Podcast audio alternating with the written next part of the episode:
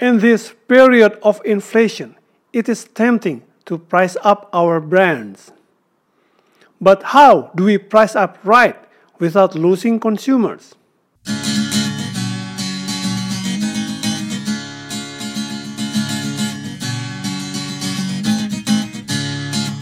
Welcome to Business and Management Podcast. Hello, my friends. How are you doing? I hope that you always be healthy and successful.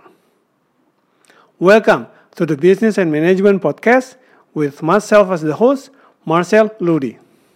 Now, let's dive right into today's topic pricing up in this period of inflation. It is a challenging situation, isn't it? As the cost of doing business keeps rising, it is tempting to price up our brands to cover our losses.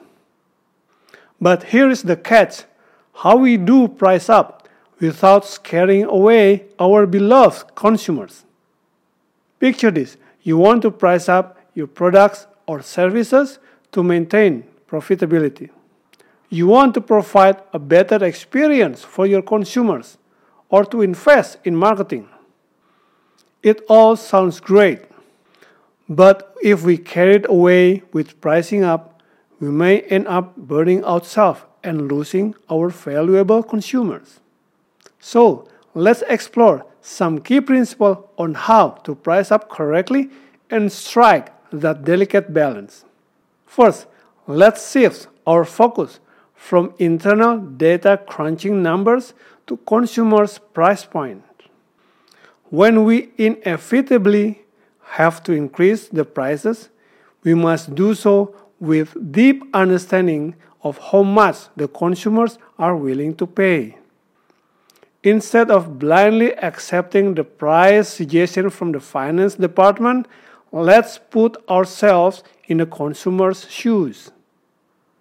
Think about their perceptions and what price points are meaningful for them. Here's the practical approach set yourself the price point that you want to target, and then challenge yourself and your finance department to cut costs and meet that price point while maintaining profitability. This means the pricing should not exceed those consumer meaningful price points. Often, you will discover hidden ways within your system that you can eliminate to reduce cost. However, if you find yourself so desperate that you must exceed those consumers' price point, then consider brand relaunch tactic. Bundle the price increase with improved packaging, new propositions, and better consumer experience. It is a way to sweeten the deal. This tactic will offer your consumers better experience in exchange of the higher price. Another strategy is to create different brands portfolio. One premium brand, higher price, the other one is average price brand. This will allow the higher price premium brand to subsidize the average price brand. Think about airlines with their first class, business class, and economy class offerings. If those airlines only have first class, they will not attract enough passengers. But by balancing more passengers for the economy class, cheaper price, with the higher premium business and first class, overall they can improve their profitability.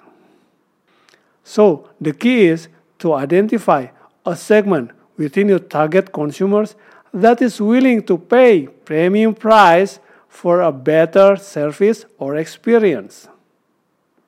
It could be consumers with specific needs. For airlines, this is the kind of the consumer who will travel often, the business travelers. Or if you are a skincare brand, this is a kind of consumer who is willing to pay more for more intensive skincare treatment cater for their needs, and offer them better experience in exchange for the higher, more premium price while on the other hand, keeping your base consumers intact. Now, let's talk about reframing value proposition. Pricing does not mean value, and pricing up does not mean reducing the value for the consumers. As marketers, our job is to sell hope. Hope for a slimmer body, hope for glowing skin, hope for more prestige, hope for increased sex appeal. Hope sells, my friends. Just look at premium brands Mercedes, Louis Vuitton, Montblanc. Their high prices do not indicate low value. In fact, it's the opposite. Consumers buy something more than the physical product. They buy the emotional benefits and the hope that those premium brands will offer. So let's dig deep and understand the emotional benefits that your consumers are seeking. Once we grasp that, we can unleash the power of reframing. Connect your brand with a deeper emotional payoff that resonates with your consumers. Are you selling skincare products or hope for higher confidence? Are you selling electric guitars or the desire to look like a rock star? Discover what your consumer will be missing out if they don't experience the benefits of your brands. The fear of negative consequences is a powerful motivator.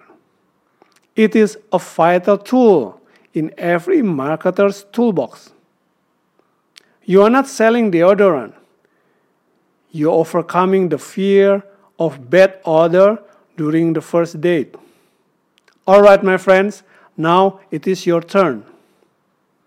What strategies do you employ to price up without losing your valuable consumers? I would love to hear your thoughts and insights.